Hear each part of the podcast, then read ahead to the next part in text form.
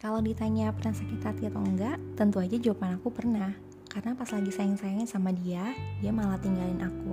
Dan dia malah buka lembaran baru dengan wanita lain. Tapi aku bersyukur dengan ada yang kejadian tersebut, aku bisa berubah menjadi wanita yang lebih kuat. Aku bisa introspeksi diri dari kesalahan-kesalahan aku dulu. Dan aku yakin itu semua dan terbaik buat aku dan dia.